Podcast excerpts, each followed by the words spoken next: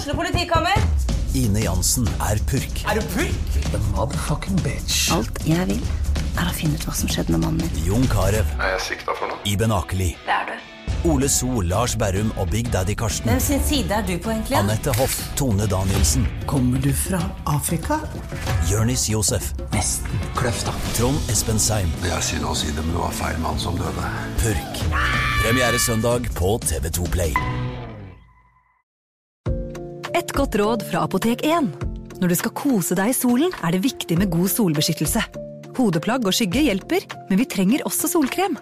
Vi har ansiktssolkremer tilpasset ulike hudtyper. Har du f.eks. tørr, fet eller normal og kombinert hud, finner du solkremer spesielt tilpasset deg og ditt behov. Kom innom og få råd på ditt nærmeste Apotek 1, eller chat med oss på apotek1.no. Apotek 1. Vår kunnskap, din trygghet. Ukas annonsør er Fiken, og det er vi veldig glad for, Jim. Det er vi veldig glad for, Morten, for Fiken er jo dette programmet som gjør regnskap enkelt. Og de bruker et språk som er forståelig selv for sånne som oss. Ja, det er nøkkelordet her, fordi jeg kan f.eks. registrere kjøpene mine ved å ta bilde av kvitteringa med en app, og salgene mine ved å sende en faktura. Og så er nesten hele regnskapet gjort.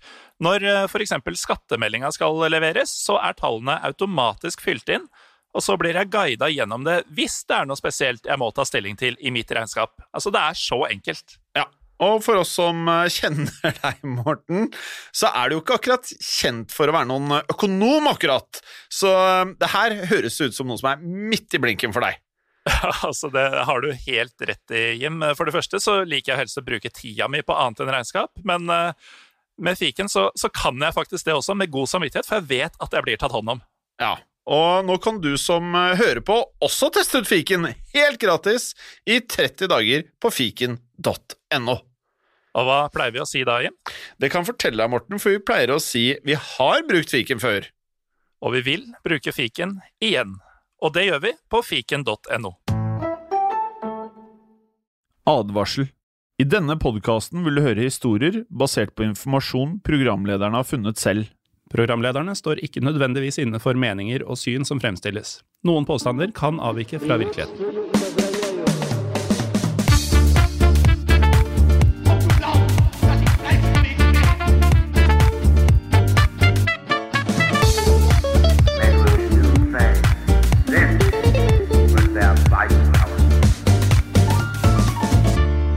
Hei og velkommen til en helt, helt ny episode av Historiepodden WW2. Mitt navn er som alltid Jim Fosheim. Og mitt navn er Morten Galaasen. Hei, Morten. Hei, Jim. Vi blir jo innimellom spurt om hvor alle episodene er blitt av.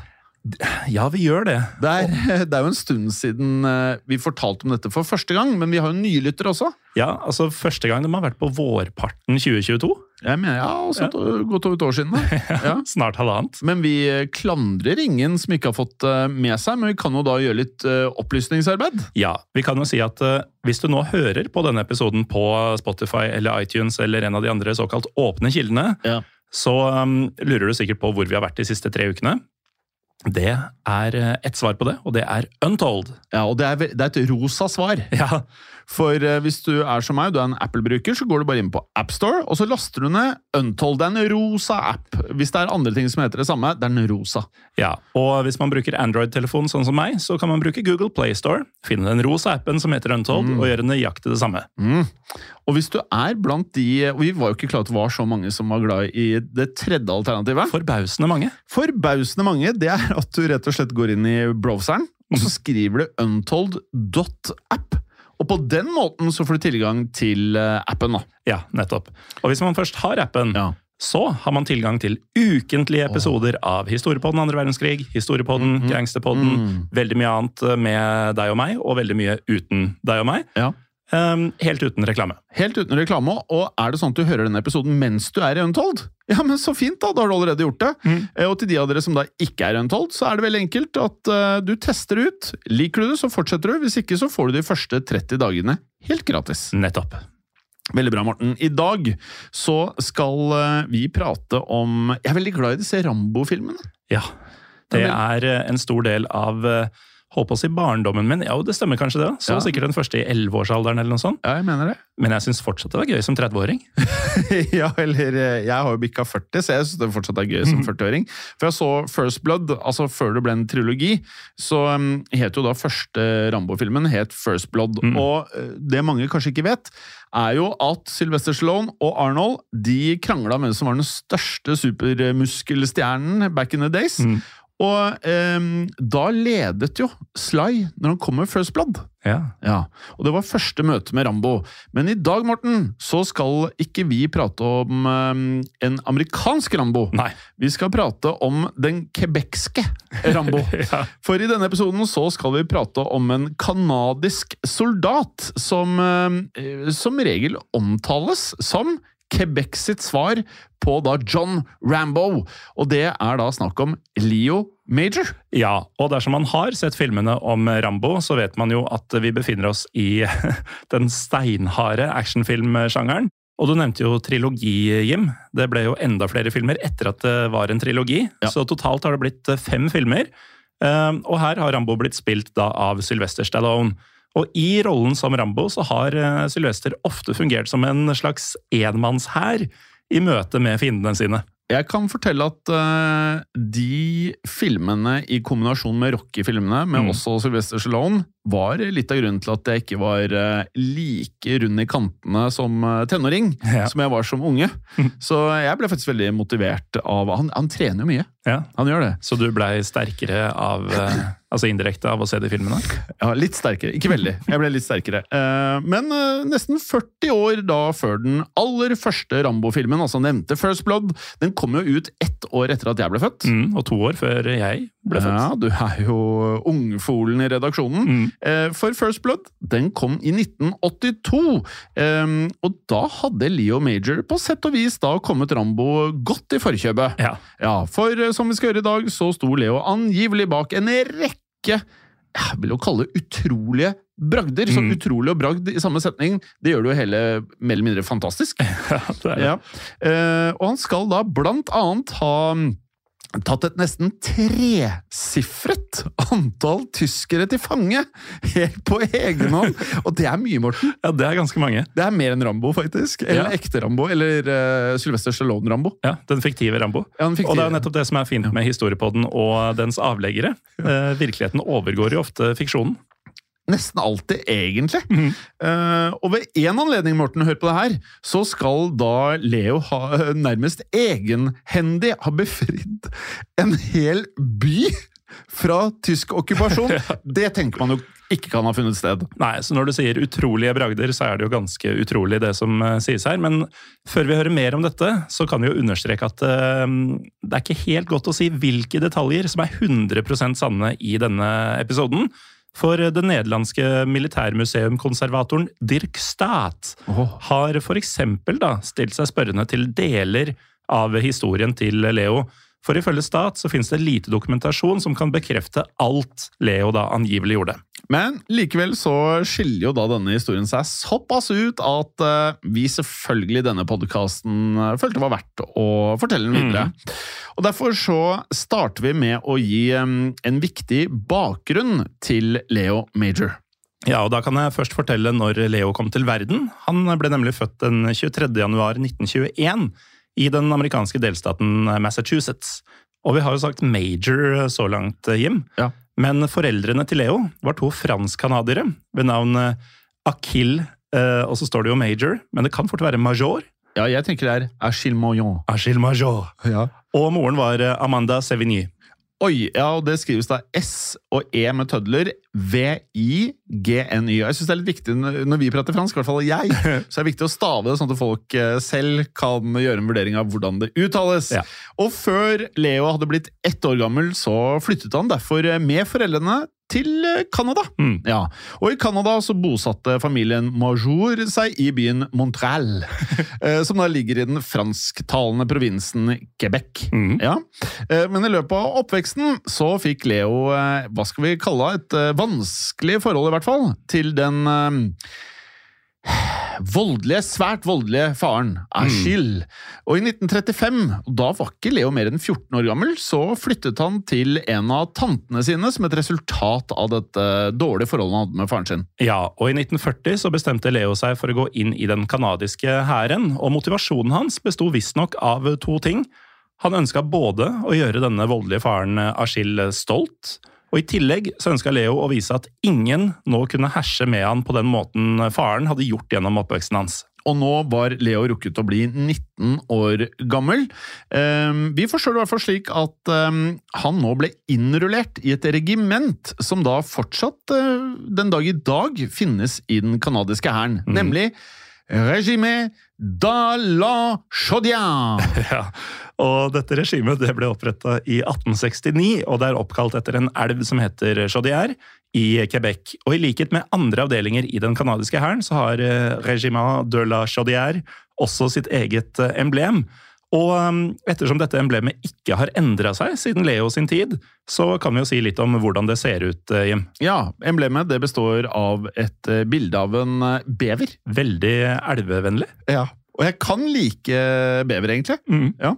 Eh, som da sitter oppå to kryssede maskingevær fra første verdenskrig. Ja. Og det er jo ikke sånn man kanskje hadde gjettet seg frem til at det skulle være. Nei, det er et ganske hardt emblem.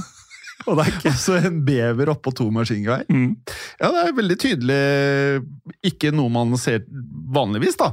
Um, og rett over denne beveren så var det en avbildning av eh, det eh, veldig tradisjonelle franske våpenskjoldet Fleur de lan. Eh, som da rett og slett er liljeblomster. Ja.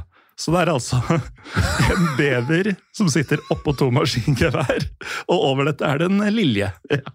Helt riktig. Og dersom vi nå skal forsøke å tolke dette noe spesielle emblemet, så kan vi jo um, si det sånn at Flot Flaudelon representerer da Quebecs uh, fortid, som da en fransk koloni. Og Flaudelon var jo denne liljeblomsten. ja, og uh, for eventuelle nye lyttere, da, så er det sånn Eller jeg kan spørre deg hjem. Er det sånn når du ser et fransk uh, uttrykk uh, foran deg, at du gjetter hvordan det sies? ja, nei, jeg har ingen forutsetning. Jeg, jeg, prøver Jeg har blitt spurt om jeg tuller. Mm. Jeg prøver eh, oppriktig å si det så bra jeg kan. Ja. Uh, bra. Og det kan du faktisk bekrefte, eller? Ja, ja. Jeg har prøvd, vi har, vi har på det verste prøvd med mange avspillinger etter hverandre, og mm. det blir faktisk ikke veldig mye bedre. Nei, ikke alltid. Men uh, i tillegg da til at um, Fleur de Lis um, representerer denne fortiden som fransk koloni, så um, representerer nok også dette skjoldet uh, det at det må ha vært mange bevere i Quebec da emblemet ble designa på 1800-tallet. Ja. Eh, la oss gå litt videre her. Eh, vi kan jo fortelle da at Leo han tilbrakte de neste årene i Canada for å da motta eh, soldattrening. Ja, men den 6. juni 1944, som jo er en dato mange legger merke til umiddelbart, da gikk de allierte omsider i land i Normandie i Frankrike.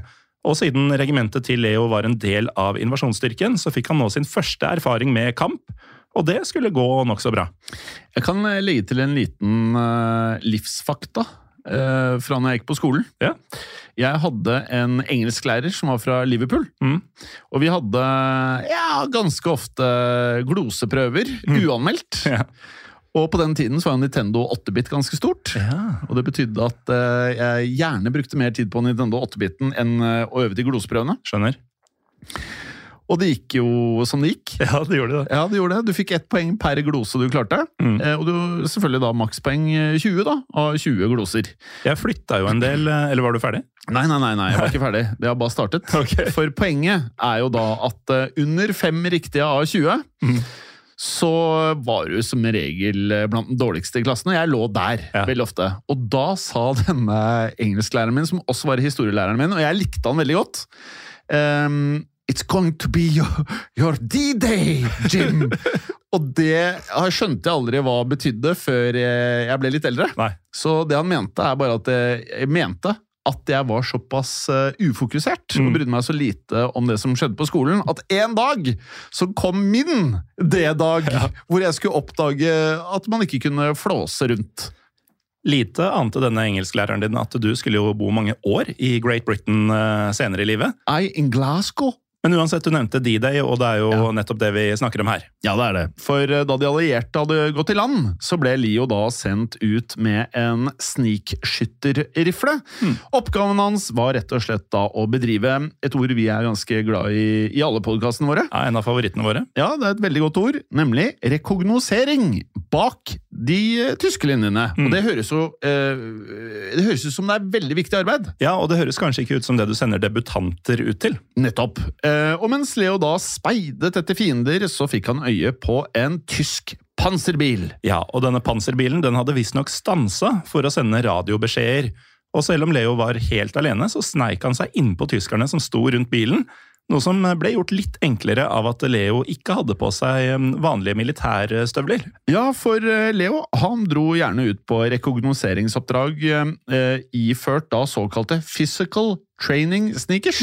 Ja, og dette var i praksis en type militærjoggesko, slik vi forstår det, eh, som gjorde det mulig for Leo å bevege seg eh, stealthy, altså lydløst eh, blant nazistene. Ja, og disse skoene de funka akkurat som de skulle, for siden tyskerne verken så eller hørte Leo før det var for seint, så klarte han å ta hele dette radiomannskapet til fange. Og da gjorde jo Leo en aldri så liten oppdagelse. Om han gjorde, ja. For eh, Leo han eh, merket nemlig at eh, tyskerne var i besittelse av flere hemmelige radiokodebøker. Og det er viktig når man driver med rekognoseringsarbeid. Ja, Veldig det- viktig. det er Kanskje noe av det viktigste. Kjernen i rekognosering, nesten. Absolutt. Og siden da bøkene kunne være gull verdt, selvfølgelig da, så tvang Leo tyskerne inn i denne panserbilen sammen med han. Og deretter så truet han de videre til å kjøre av gårde mot de allierte linjene. Og hvis dette ikke høres ut som en film, da, da, da vet jeg ikke lenger. Nei, og vi er jo ikke ferdige heller, fordi nei, nei. det skulle gå nesten fullstendig gærent. For uh, siden Leo nærma seg de allierte linjene i en tysk panserbil, så kan man jo skjønne at bilen den ble jo beskutt av kanoner Mm. da den nærma seg. Og Derfor så klatra Leo opp på taket på bilen mens den kjørte, for å signalisere til disse kanonmannskapene at de måtte eh, cease fire, altså stoppe skytingen. Og dermed var det kun så vidt at Leo da faktisk kom seg helskinnet eh, frem. Og da Leo da hoppet ut av denne panserbilen, så skal han ha priset seg svært lykkelig for at eh, dette kanonmannskapet ikke, eh, ifølge han selv, hadde lært seg å skyte. Nei, for de traff jo ikke. Nei, nettopp. Så grunnen til at han overlevde, var fordi at de var dårlige til å sikte. Ja, Ifølge Leo, da. Ifølge Leo. Men eh, selv om Leo da kom uskada gjennom denne episoden, så var han ikke like heldig noen få dager seinere. For da støtta han på en ny gruppe med tyskere, og denne gangen så hadde Leo ikke det samme overraskelsesmomentet på sin side. Nei, det hadde han absolutt ikke, Morten, for eh, mens han var ute på et eh, nytt speideroppdrag, så støtte nemlig Leo på en patrulje med fire tyske SS-soldater. Og jeg kan fortelle at hadde det vært meg, jeg hadde ikke klart å være kald. Nei. Nei. Jeg hadde nok begynt å mumle og surre og kanskje blitt svimmel, kanskje. Ja, Men eh, ikke Leo, og ikke disse SS-soldatene heller. Nei. For eh, de begynte å skyte på hverandre. Ja. Ja, de gjorde det. Og Leo han hadde jo ikke kun denne snikskytterrifla, han hadde også maskingevær. Så han plaffa ned alle fire SS-soldatene. Men eh, ikke alle døde i denne sekvensen, for én såra tysker klarte å slenge av gårde en fosforgranat mot eh, Leo. Og som eh, noen av lytterne kanskje vet, så er fosfor et eh, stoff som bl.a. blant annet brukes i brannbomber, og som kan brenne vekk hud. Ja, Det høres faktisk mer ut som første verdenskrig enn andre, men det Ja. eksisterte også i VV2. Mm. En helt spesiell type ond granat. Ja, det er så ondt. Mm. Uh, med andre ord så var Leo i en kinkig situasjon, Morten. For da granaten som ble kastet mot han eksploderte, så fikk Leo så kraftige brannskader på den venstre siden av ansiktet at han nesten ble blind på det venstre øyet. Og dermed ble Leo liggende på bakken, og det så relativt mørkt ut, eh, Morten. Ja, men etter en stund så ble Leo da heldigvis funnet av en gruppe medsoldater, og han ble så hjulpet til et eh, feltsykehus, og takket være det så ble synet hans på det ene øyet også berget. Heldigvis. Og, men likevel da, så måtte Leo gå rundt med en øyelapp gjennom resten av annen verdenskrig, slik at det da skadde øyet hans lettere skulle bli bra igjen. Og det er jo en eh, look man kanskje vil ha i en krigssituasjon. Altså, Du ser jo ikke mildere ut når du har lapp over nei. øyet. Altså Hvis vi hadde drevet rekognosering Mm. og sett en SS-offiser med en lapp over det ene øyet, Ja. Da hadde jeg i hvert fall løpt. det er det. Uh, og av denne øyelappen da, så skal Leo ha sammenlignet seg selv med en pirat, og det kan vi jo forstå. Ja, og nå skal Leo minne om en annen person vi har snakka om i um, historiepodden tidligere, nemlig sir Anthony de Viart. Han er så lik, han. Ja, For til Leo sin frustrasjon så mente legene hans nå at han burde ta seg en pause fra å krige. Og i likhet med Der Fiart, Mm. det, det, det var ikke engang noe han vurderte. Nei, eh, det er noen som vil være i krigen uansett eh, tilstand. Og vi kan jo minne om at eh, hvis dere ikke har hørt episoden om mannen som elsket krig ehm, Altså, han måtte tilbake Det er stygt å le på én måte, men det er humoristisk. Han måtte tilbake til det samme sykehuset gang på gang. Så ofte var han der at han fikk sitt eget sånn locker room, altså sitt eget skap, med, med personlige gjenstander. Ja. Så i dette tilfellet da, så var det sånn at legene ga Leo et eh, tilbud om å reise hjem til Canada for å komme til hektene, og med det så sto Leo ovenfor et eh, valg. Leo kunne enten gjøre slik eh, legene ønsket det, eller så kunne han bli i Frankrike for å da kjempe videre mot nazistene. Men etter alt å dømme så var ikke Leo i tvil. Han skal nemlig ha uttalt følgende I only need one good eye to aim a rifle. Og eh, til de av dere som da eh, ønsker dette på norsk, jeg trenger bare ett godt øye for å sikte med et gevær. Ja, og som man ser på filmer, man lukker jo gjerne igjen det ene øyet når du sikter. Det er et godt Så poeng. han slapp jo det med den Ja. lappen. Og eh, det, det her er veldig derfiart. Det er det. Og med det så skjønner folk at Leo han ble værende i Frankrike for å kjempe mot eh, nazistene, og i løpet av kort tid så vendte han også tilbake til frontlinja. Og her gikk det hardt for seg. Mhm. For mens de allierte da presset nazistene ut av Frankrike, så rykket Leo sitt regiment da frem mot grensen til Nederlands. Ofte kjent som Nederland. Ja, ganske likt det jeg sa. Og mens Leo da kjempet i nærheten av grensen, så befant han seg ved en anledning i en transportbil sammen med noen andre kanadiske soldater. Og dessverre for Leo så presterte sjåføren på denne bilen å kjøre inn i et tysk minefelt. Og da gikk det jo som det måtte gå, for bilen den kjørte nemlig på en mine. Og da denne mina eksploderte, så ble Leo slengt 15 meter opp i lufta. Så med andre ord så fikk jo Leo da også en ganske hard landing da han etter hvert eh, traff bakken igjen. Det kan man trygt si, Morten. Bare hør på dette her. Leo han knakk nemlig én arm, tre ryggvirvler og begge anklene. Mm. Med andre ord, eh, Morten, så betydde dette at han måtte belage seg på et relativt langt sykehusopphold. Ja, det skulle man tro, men det ble jo ikke noe av. Nei. For selv om Leo da ble innlagt på et sykehus i Belgia, så rømte han snart fra sykehuset for å slutte seg til regimentet sitt igjen. Og du sa han hadde knekt tre ryggvirvler og begge anklene sine. Ja, for Da tenker man jo umiddelbart at det er kanskje litt vanskelig å flykte. Ja, man lurer jo litt på åssen det gikk til. Ja, man, Det er det første man tenker, egentlig. Ja, Men som vi nevnte i starten, så er det ikke alt som er eh, etterprøvbart av historiene om eh, Leo. Nettopp. Men det jeg kanskje hadde tenkt først av alt, er hvorfor han ønsker å flykte. Jeg hadde jo først tenkt at eh, nå er det på tide å ta en liten pust. Ja, Men han klarte det i hvert fall, for Ja. i oktober 1944 så var Leo igjen i kamp mot tyskerne. Og denne gangen så deltok han i det som huskes som slaget om Skelde. Men hva er Skelde for noe? Først og fremst så ønsker jeg bare å si at det ligger en film på Netflix nå som faktisk heter Slaget om det jeg kaller skjeldet. Ja. Men uh, skelde, er det det? Eh, Ja, det kan være begge deler. Fordi eh, det er jo da en eh, elv på over 40 mil, 435 km, som renner gjennom deler av Frankrike, Nederland og Belgia. Ja. Og av Nederland og Belgia så tenker jeg Skelde, Ja. Men det er også Frankrike, så det kan være Skjelde. Skjeldo. Men uansett, i 1944 så hadde tyskerne da opprettet en rekke forsvarsstillinger langs denne elven. da. Og nå var disse stillingene alt som egentlig sto mellom de allierte og den strategisk veldig, veldig viktige havnebyen Antwerpen i Belgium. Ja, og i et eh, forsøk på å innta Antwerpen i Belgia, så gikk de allierte derfor på offensiven mot tyskerne ved Skelde eller Skjelde. Og slaget som fulgte, det raste deretter til november 1944, som var måneden da de allierte omsider gikk av med seieren. Men før Antwerpen ble inntatt, Morten, så utmerket Leo seg under kampene ved Skjelde. Selvfølgelig gjorde han det. Mm.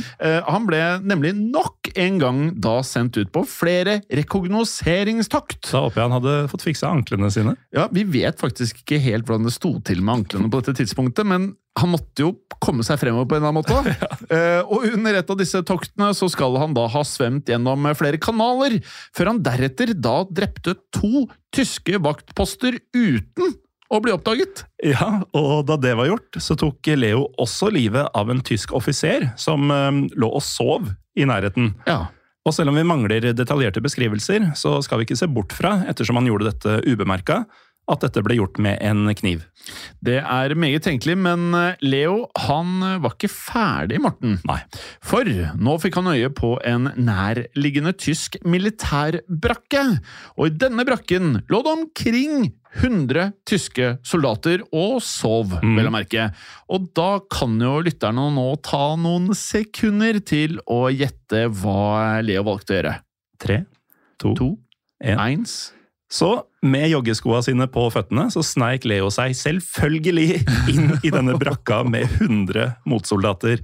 Og deretter så gikk han lydløst opp til enda en sovende tysk offiser, som våkna av at Leo sikta på han med en maskinpistol. Offiseren fikk deretter beskjed om å vekke resten av mennene sine, men da offiseren gjorde dette, så fikk jo plutselig Leo rundt 100 tyskere som han skulle holde styr på. Og tre av disse 100 de tenkte naturlig nok at eh, oddsen var på deres side, så derfor så forsøkte tre av disse 100 tyskerne å ta til våpen mot eh, Leo. Men det var ikke så lurt, Nei. for nå smalt det umiddelbart fra maskinpistolen til Leo. Og som vi har lært, eh, Morten, så var jo Leo ganske så treffsikker. Ja, med en maskinpistol. Ja, og han traff alle tre tyskerne, og alle tre tyskerne ble drept. Så ropte Leo følgende til de gjenlevende tyskerne. Achtung! Hände hoch! Som da betyr stopp, hendene i været. Ja, og nå var det ingen flere som turte å gjøre motstand, selv om oddsen fortsatt var 97 mot 1 rundt regna. Dermed så tvang Leo tyskerne til å marsjere på rekke mot de allierte linjene, mens han fulgte bakerst med denne maskinpistolen. Men da Leo og tyskerne hadde gått et aldri så lite stykke gjennom eh, nattmørket, så oppsto det trøbbel. Og det kunne hun fortalt på forhånd, det måtte jo skje. For nå dukket det opp en gruppe med SS-soldater nok en gang, som eh, ikke likte det de så. Nei, det er jo eh, Det passer ikke inn i den der eh, master race-greia. At én fiende har nærmere 100 av dine. Og med det så begynte jo da SS-soldatene å skyte hemningsløst, både mot Leo, men også mot fangene. eh, og med det så ble det jo et stort eh, leven og kaos. Ja, det ble det, for Leo han begynte jo da å skyte tilbake mot eh, SS-soldatene. Og mens kulene nærmest hagla rundt han, så ble flere av fangene hans skutt og drept av ikke Leo, men av SS-soldatene. Og nå ser det mørkt ut for Leo. Ja, igjen. Men da det var som aller mørkest, så dukket opp litt uh, uventet eh, hjelp. Ja, han har flaks igjen. Ja, for eh, skuddvekslingen hadde nemlig blitt hørt av forbipasserende allierte. Nærmere bestemt tanks! Ja. Allierte tanks. Og nå kom en av disse tanksene kjørende til unnsetning. Ja, og i møte med en tanks så hadde SS-soldatene lite å stille opp med, så um, de la på flukt, mens Leo han samla de gjenlevende fangene sine. Og Leo han førte fangene videre mot de allierte linjene, og da han omsider nådde fram, så lot eh, medsoldatene hans seg forbløffe over at Leo egenhendig hadde fanga mer eller mindre, altså opp mot 100, eh, i dette tilfellet 93 tyskere. Jeg hadde nesten ikke trodd han. Jeg hadde tenkt sånn, ok, hvor er de andre 50 soldatene som du hadde med deg, og tenkt at han var den eneste gjenlevende omtrent? Ja, eller 200-300. Ja, 200-300. Eh, og takket være det vi må kalle en enorm bragd, så har det blitt hevdet da at Leo lå an til å få æresutmerkelsen Distinguished Conduct Medal. Og denne utmerkelsen skulle da visstnok deles ut av britenes fremste general, en sir Bernard Montgomery. Som eh, må jo si han er blant de mest kjente allierte. Ja, og et uh, ypperlig navn på en britisk general. Et navn som hadde passet deg, Morten, når du får uh, tittelen jeg lovte. Ja, lordetittelen. Lord Montgomery. Lord Morten Montgomery Gahl Aasen. Så jeg må bytte navn for å få lordetittelen som du skal skaffe meg? Ja, det Ja, jeg det er en tenker at-. Ja, jeg tenker det. Men eh, vi har ikke helt klart å finne ut akkurat hvorfor han aldri fikk medaljen, men han gjorde aldri det. Nei, men eh, det noen, eh, eller det finnes flere mulige forklaringer. Det har f.eks. blitt påstått at Leo nekta å ta imot medaljen, ettersom han selv syntes at, eh, og det er da britenes fremste general det er snakk om, at Leo skal ha syntes at Montgomery var inkompetent. og det har også blitt hevda at Leo ikke rakk medaljeseremonien fordi han ikke fikk start på bilen sin. Jeg liker begge to. Ja. Uh, men det er klart, eh, hvis han mente at Montgomery var inkompetent, det er vel kanskje enda mer Leo. Så her er det egentlig bare opp til lytterne å velge seg sin favorittversjon uh, før vi går videre. Og når vi går videre, så spoler vi tida fram til den 13. april 1945. På dette tidspunktet så befant Leo seg fortsatt i Nederland, der regimentet hans nå rykka frem mot byen Zwolle. Og Zwolle hadde en befolkning på 50 000 mennesker, og ettersom byen var okkupert av tyskerne, så bestemte canadierne seg for å gjennomføre et rekognoseringsoppdrag. Ja, og oppdraget det ble gitt til Leo. Mm. Men denne gangen så skulle han få eh, med seg litt eh, selskap, nemlig en annen soldat ved navn Willy Arsenault. Arsenal. Willy Arsenault. Og slik vi skjønner det, så var Leo og Willy ganske gode venner. Ja. ja. Og nå fikk de da i oppgave å ta seg inn i Svolle for å da kontakte den lokale motstandsbevegelsen. Med andre ord, dette kunne jo vært et PlayStation-spill også. Ja, og det har det kanskje også vært. Helt sikkert. Deretter skulle de da gi motstandsbevegelsen en beskjed om at de allierte da planla å bombardere byen med artilleri. Og dette her er akkurat som et spill, at du, skal, eh, du har en tidsfrist med å komme frem med beskjeden.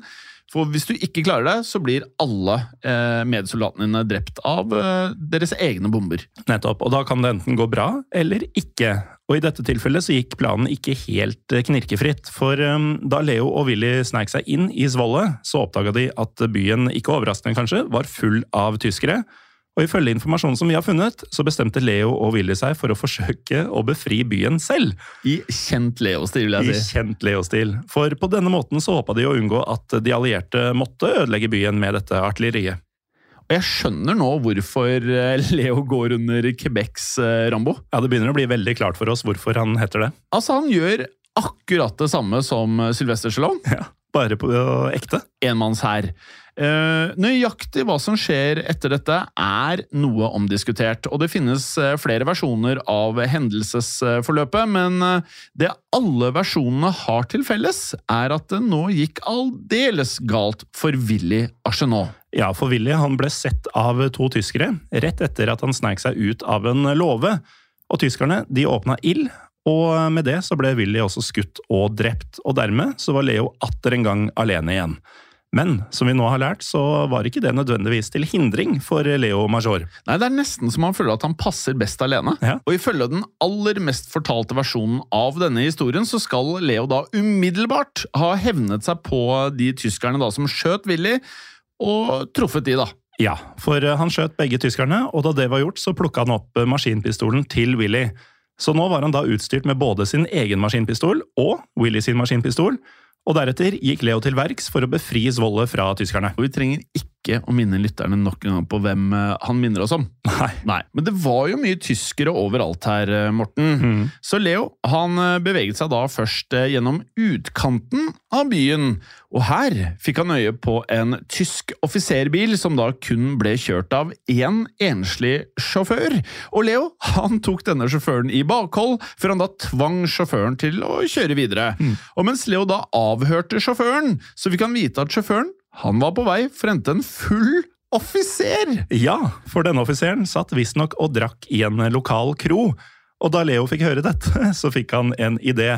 For han planla nå å skremme tyskerne til å tro at Svolle ble angrepet av en langt større styrke med allierte soldater. Høres ut som en gavepakke, dette her. Og Derfor så tvang Leo sjåføren selvfølgelig da til å kjøre han til kroen, og der så skal Leo da ha tatt den fulle offiseren til fange. Deretter så ga Leo beskjed til offiseren om at Svolle snart ville bli bombardert av de allierte, noe som da ville resultere i både tyske og sivile dødsfall. Men da Leo hadde gitt denne beskjeden, så slapp han offiseren fri. For på denne måten så ville offiseren spre budskapet til Leo videre til de andre tyskerne i byen. Og slik Leo så det, så kunne dette føre til en ganske solid dose med panikk blant eh, tyskerne. Så på en måte en god idé. Mm. Men Leo Morten, han eh, var seg selv lik. Ja. Du nevnte Morten tidligere at uh, han var å anse som en enmannshær. Ja. Hør på dette. Han tok eh, maskinpistolene sine, samtidig som han da fant frem alt han hadde på seg av håndgranater, og hadde en aldri så liten plan. Ja, Klokka hadde nå runda midnatt, og for å skremme tyskerne så begynte Leo å løpe gjennom gatene i Svolle. Og mens han gjorde det, så skøyt han i været med disse to maskinpistolene sine, samtidig som han kasta håndgranater rundt seg. Så det var aktive hender i bruk eh, her hjem. Man har jo bare to hender, så du må liksom eh, Innimellom så må du jo legge fra den ene pistolen for å kaste granaten også, så det gikk nok i ett her. Ja, det må det ha gjort. Og dermed så hørte tyskerne både skyting og eksplosjoner, og snart så skal åtte tyskere angivelig ha støtt på Leo. Og dette kunne bare gå én vei. For nå skal Leo da ha skutt fire av disse tyskerne, noe som da gjorde at de fire gjenlevende tyskerne de la på flukt for å komme seg langt unna Quebecs Rambo. Altså, Det går igjen så mange ganger nå at han er aleine mot om det er tre eller åtte eller hundre, at eh, det kan bare gå én vei. Men du vet um, den derre fantastiske scenen i uh, Band of Brothers når han ene er han offiser Spears, Sergeant Spears er det, som eh, bare med en sånn Tommy gun bare løper over eh, de allierte linjene inn hos eh, tyskerne. Jeg tror han henter, henter en person, eller så gir han en beskjed, et eller annet, og så løper han tilbake. Så ser du bare at alle tyskerne og de allierte bare stopper opp og ser på i all verden det er som foregår. Så jeg tror kanskje, når det skjer noe så utrolig i feltet, så tror jeg folk bare fryser litt. Og vi har vært innom det, Han har jo blitt skada ved et par anledninger tidligere, men i dette møtet med disse åtte tyskerne så um, hadde han da skutt og drept fire av dem, og de fire andre flykta. Leo han var fullstendig uskada i dette tilfellet. Men likevel så var det visstnok én ting som han angra på, og det var at han uh, bare hadde skutt fire tyskere når han kunne ha skutt åtte. Ja, han er litt sånn, da. Og med det så fortsatte Leo å herje i bygatene, mens han da skjøt og fortsatte å kaste granater. Og da klokken var blitt ca. 04.00, så hadde han da skapt så mye panikk blant nazistene at nazistene de bestemte seg for å trekke seg ut av byen pga. det Leo hadde funnet på helt alene. Han har løpt rundt i fire timers tid med granater og maskinpistoler. Det var mye ammo. Ja, men at, uh, at ikke tyskerne finner ut hva som skjer. Ja. Men uh, til tross for at Mange av de lå og sov, og det er bekmørkt. vet du. Ja, det er så det er liksom, og de har denne beskjeden eh, som de har fått om at det er eh, et bombeangrep i vente. Ja, ikke sant? For til tross da, for at tyskerne skal ha vært flere hundre mann sterke, så lot de seg nemlig overbevise om nettopp det, at det var snakk om et større angrep. Og selv om de da i realiteten bare ble angrepet av en enøyd canadier med joggesko og to maskinpistoler, så slo tyskerne faktisk retrett. Men jeg kan jo se for meg, i all denne forvirringen, Mm. og så hører du da medsoldater som har panikk, som sier 'nå må vi vekk, nå må vi vekk, nå er det angrep', så eh, man kan se hvordan folk lot Ja. seg rive med. Ja, dette er angrepet vi fikk, ja. vi ble advart om. Men kort tid etter alt dette kaoset som Leo nå har stelt i stand helt på egen hånd, så klarer han også å få tak i en gruppe med personer som da tilhører den lokale motstandsbevegelsen. Og det var egentlig det han kom for. Ja, det var jo det som var poenget med dette rekognoseringsoppdraget. Og med hjelp fra disse så bar han liket til Willy Arsenault tilbake til regimentet sitt. Og da han vendte tilbake, så rapporterte Leo at byen, den var helt tom for tyskere! Ja, Og noen timer senere så kunne da resten av canadierne dermed marsjere uhindra inn i Svolle. For en helt! Ja, Og siden Leo da hadde befridd byen nærmest helt alene, så skal han omsider ha fått utdelt eh, denne tidligere nevnte The Distinguished Service Medal. Burde han fått den litt flere ganger? Ja, Hadde han ikke nekta pga. inkompetent general eller uh, ikke fått start på bilen sin, så hadde han jo gjort det. Men uh, ca. en måned etter dette så kunne tyskerne puste letta ut, for eh, den 8. mai 1945 så overga jo Nazi-Tyskland seg til de allierte, og dermed så slapp tyskerne noensinne å møte Leo Major igjen. Men selv om annen verdenskrig var ferdig, mm. så var ikke Leo ferdig med krig. Nei, for han er jo en versjon av Anthony de Viart, eh, denne Leo. Ja, Det er nesten som vi må høre episoden vår om eh, mannen som elsket krig, bare for å sammenligne de to. For Mm. akkurat nå så er Leo ikke noe bak fjart for min del, altså. Nei, enig. Um, jeg, det trodde jeg alle jeg skulle si. For i løpet av de neste par årene så skulle Leo da utkjempe enda en krig. Og denne gang så var det Koreakrigen. Ja, men før Leo dro til Korea, så reiste han først tilbake til Canada, og her begynte han å gjøre noe helt annet enn det han hadde drevet med i eh, Nederland og Frankrike. Eh, Han begynte nemlig å jobbe som rørlegger. Og I løpet av de neste årene så gifta han seg også med Pauline de Croiselle.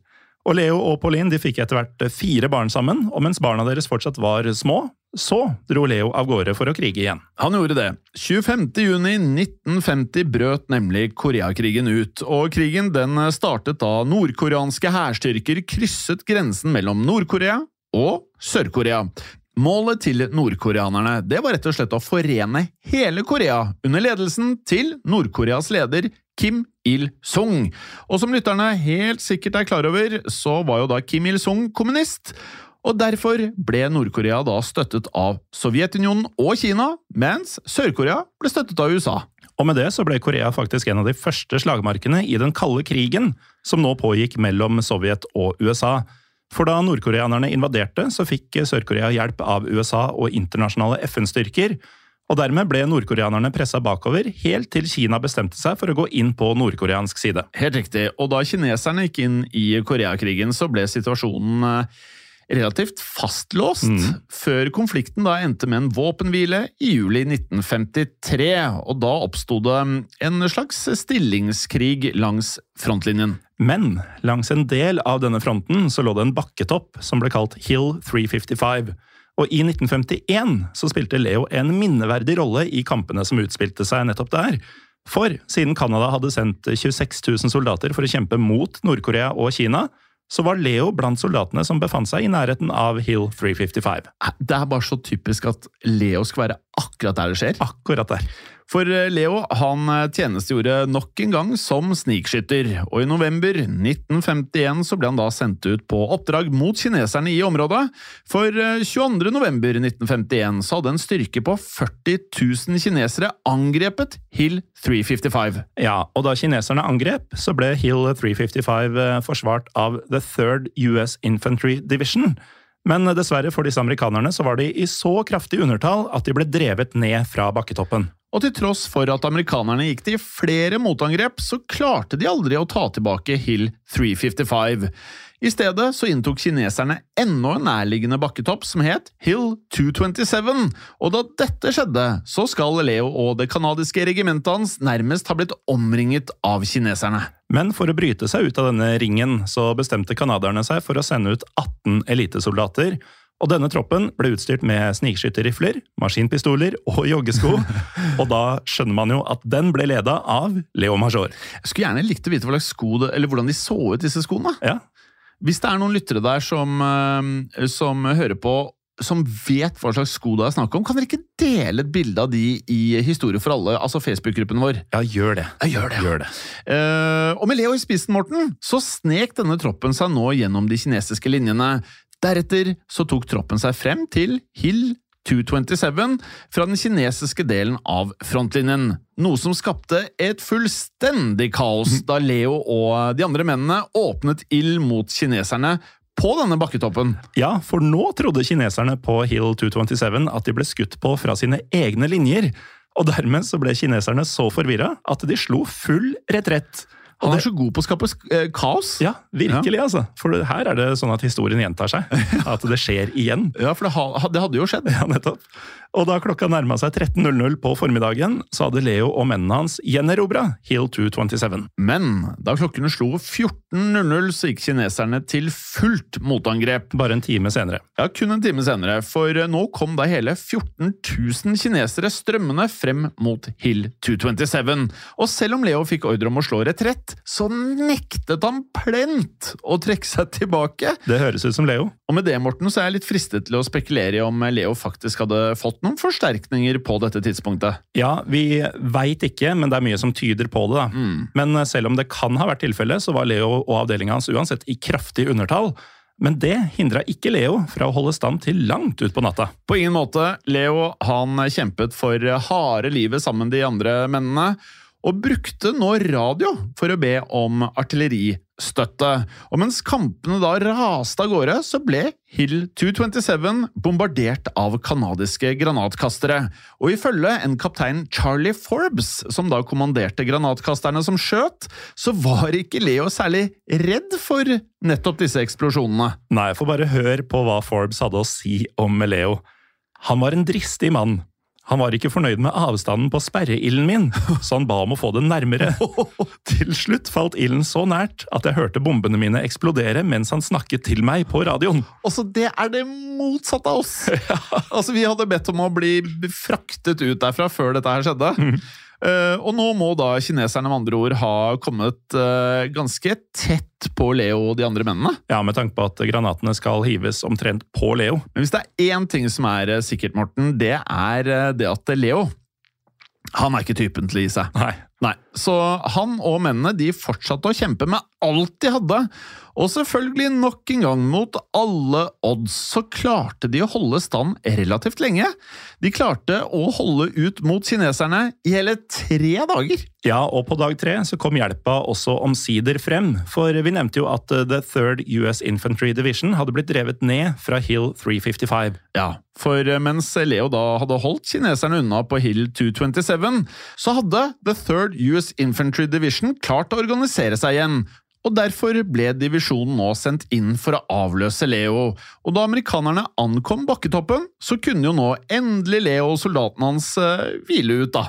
Eh, for nå ble de sendt tilbake til leiren, mens amerikanerne kunne holde Hill 227 mot kineserne. Og takket være det som nå var den siste i en lang rekke med bragder, så fikk Leo for andre gang tildelt æresutmerkelsen The Distinguished Service Medal. Egentlig for tredje gang. Ja, på, Egentlig, ja, ja. egentlig.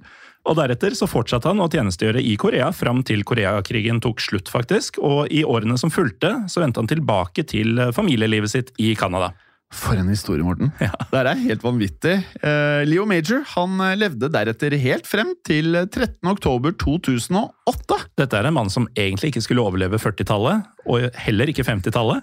Og så lever han da over 50 år etter at han drar hjem fra Koreakrigen. Ja, for han levde jo da til 13. oktober 2008, og på denne dagen så døde han i en alder av 87 år.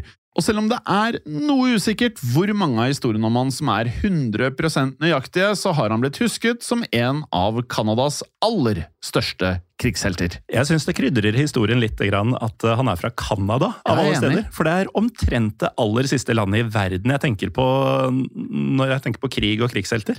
Ja, nå var det jo eh, mye canadere som var med på alliert side, men de er ikke spesielt fremtredende på noen som helst måte, spesielt i eh, historiebøkene. Nei, det er nettopp det. Men akkurat denne canadieren han har da blitt sammenligna med John Rambo, og etter å ha gått gjennom denne episoden, fullt fortjent. Altså, Hadde han ikke blitt kalt Quebecs Rambo, så hadde vi kommet til å tenke på Rambo. Ja, nettopp. Det er jo faktisk så vanvittig det han har fått til. Det er det. Men uh, Rambo er jo fiksjon. Og vi har jo nevnt flere ganger eh, sir Anthony de Viart. Mm. Eh, det er altså podkasten Historiepodden. Eh, Og episoden som heter 'Mannen som elsket krig'. Den må man faktisk gå inn og høre på hvis man likte den her. Helt enig. Vi har jo han som eh, fektet eh, mot nazistene. Som også Jack Churchill. Mad Jack Churchill. Ja, Han var også i samme kategori. Men man har jo litt sånn derre Man lener seg gjerne mot de tingene man har pratet om sist, kanskje. Ja. Men akkurat nå så mener jeg da at Quebecs Rambo kanskje trumfer dem alle. Det kan være. Eh, Hvis du som hører på har sterke meninger om denne lista vi er i ferd med å lage i hodene våre, så eh, del gjerne tankene i Facebook-gruppa vår Historie for alle. Og kom gjerne med forslag til eh, episoder dere ønsker at vi skal prate om i eh, fremtiden. Det kan du sende som DM også, på Historiebånd Norge på Instagram eller på Facebook. Og hvis du vil høre historie på den andre verdenskrig også neste uke, så må du rett og slett, eh, hvis du ikke har det allerede, skaffe deg Untold. Android-brukere som meg bruker da Google Playstore og laster ned appen der. Ellers kan du laste ned Untold i AppStore hvis du da bruker iPhone. Men det fins et tredje alternativ det det. som alle kan bruke, nemlig gå inn på nettsiden untold.app og laste ned derfra. Altså Det er så mange som bruker det alternativet at jeg, jeg vil nesten teste det selv. Nå har jeg jo allerede abonnementet, da, men uh, det er veldig spennende. Uh, og til alle som da sender oss uh, Vi har fått noen veldig hyggelige mail. Mm. Mails Mail, i flertall. Ja. Eh, jeg videresendte deg i hvert fall én eller to. Sant det. Eh, ja. mm, det er veldig koselig at dere skriver hyggelige ting til oss. Veldig mye hyggeligere enn å få slemme ting. Nå får vi nesten aldri slemme ting. Nei, Jeg kan ikke huske at vi har fått det. nei, vi har ikke det. Men veldig mye hyggelig også i innboksene på, um, på Instagram, f.eks. Er vi så gode? Ellers er vi bare lett å like. Ja, vi er kanskje det. Jeg vet ikke. Men uh, veldig hyggelig i hvert fall at dere uh, gir oss alle disse positive tilbakemeldingene, og at dere kommer med så mange gode ideer til fremtidige episoder. Jeg er helt avhengig av det. Det er vi. Og med det, Morten, dette her Har skjedd. Og det kan skje igjen. Ha det bra. Ha det. Historiepodden ønsker å takke følgende. Dere som hjelper oss som sitter i produksjonen. Dere som hjelper oss som sitter i redaksjonen, inkludert eh, tekstforfattere. Det er helt riktig. Og dere som sitter på marked, som faktisk da gir oss muligheten til å drive med Historiepodden. Og selvfølgelig alle dere som hører på. Tusen takk. Moderne media. Moderne media. Kiwi er billigst i VGs matbørs og har vært billigst i fire av de fem siste VGs matbørser. Og nå presser vi prisene på frukt og grønnsaker. På 200 gram broccolini setter vi prisen til 24,90. På 400 gram Cevita blåbær setter vi prisen til 49,90. Og husk, alle Kiwi Pluss-kunder får i tillegg 15% trumfbonus på all fersk frukt og grønt. For det er vi som er prispresserne. Og vi i Kiwi gir oss aldri på pris.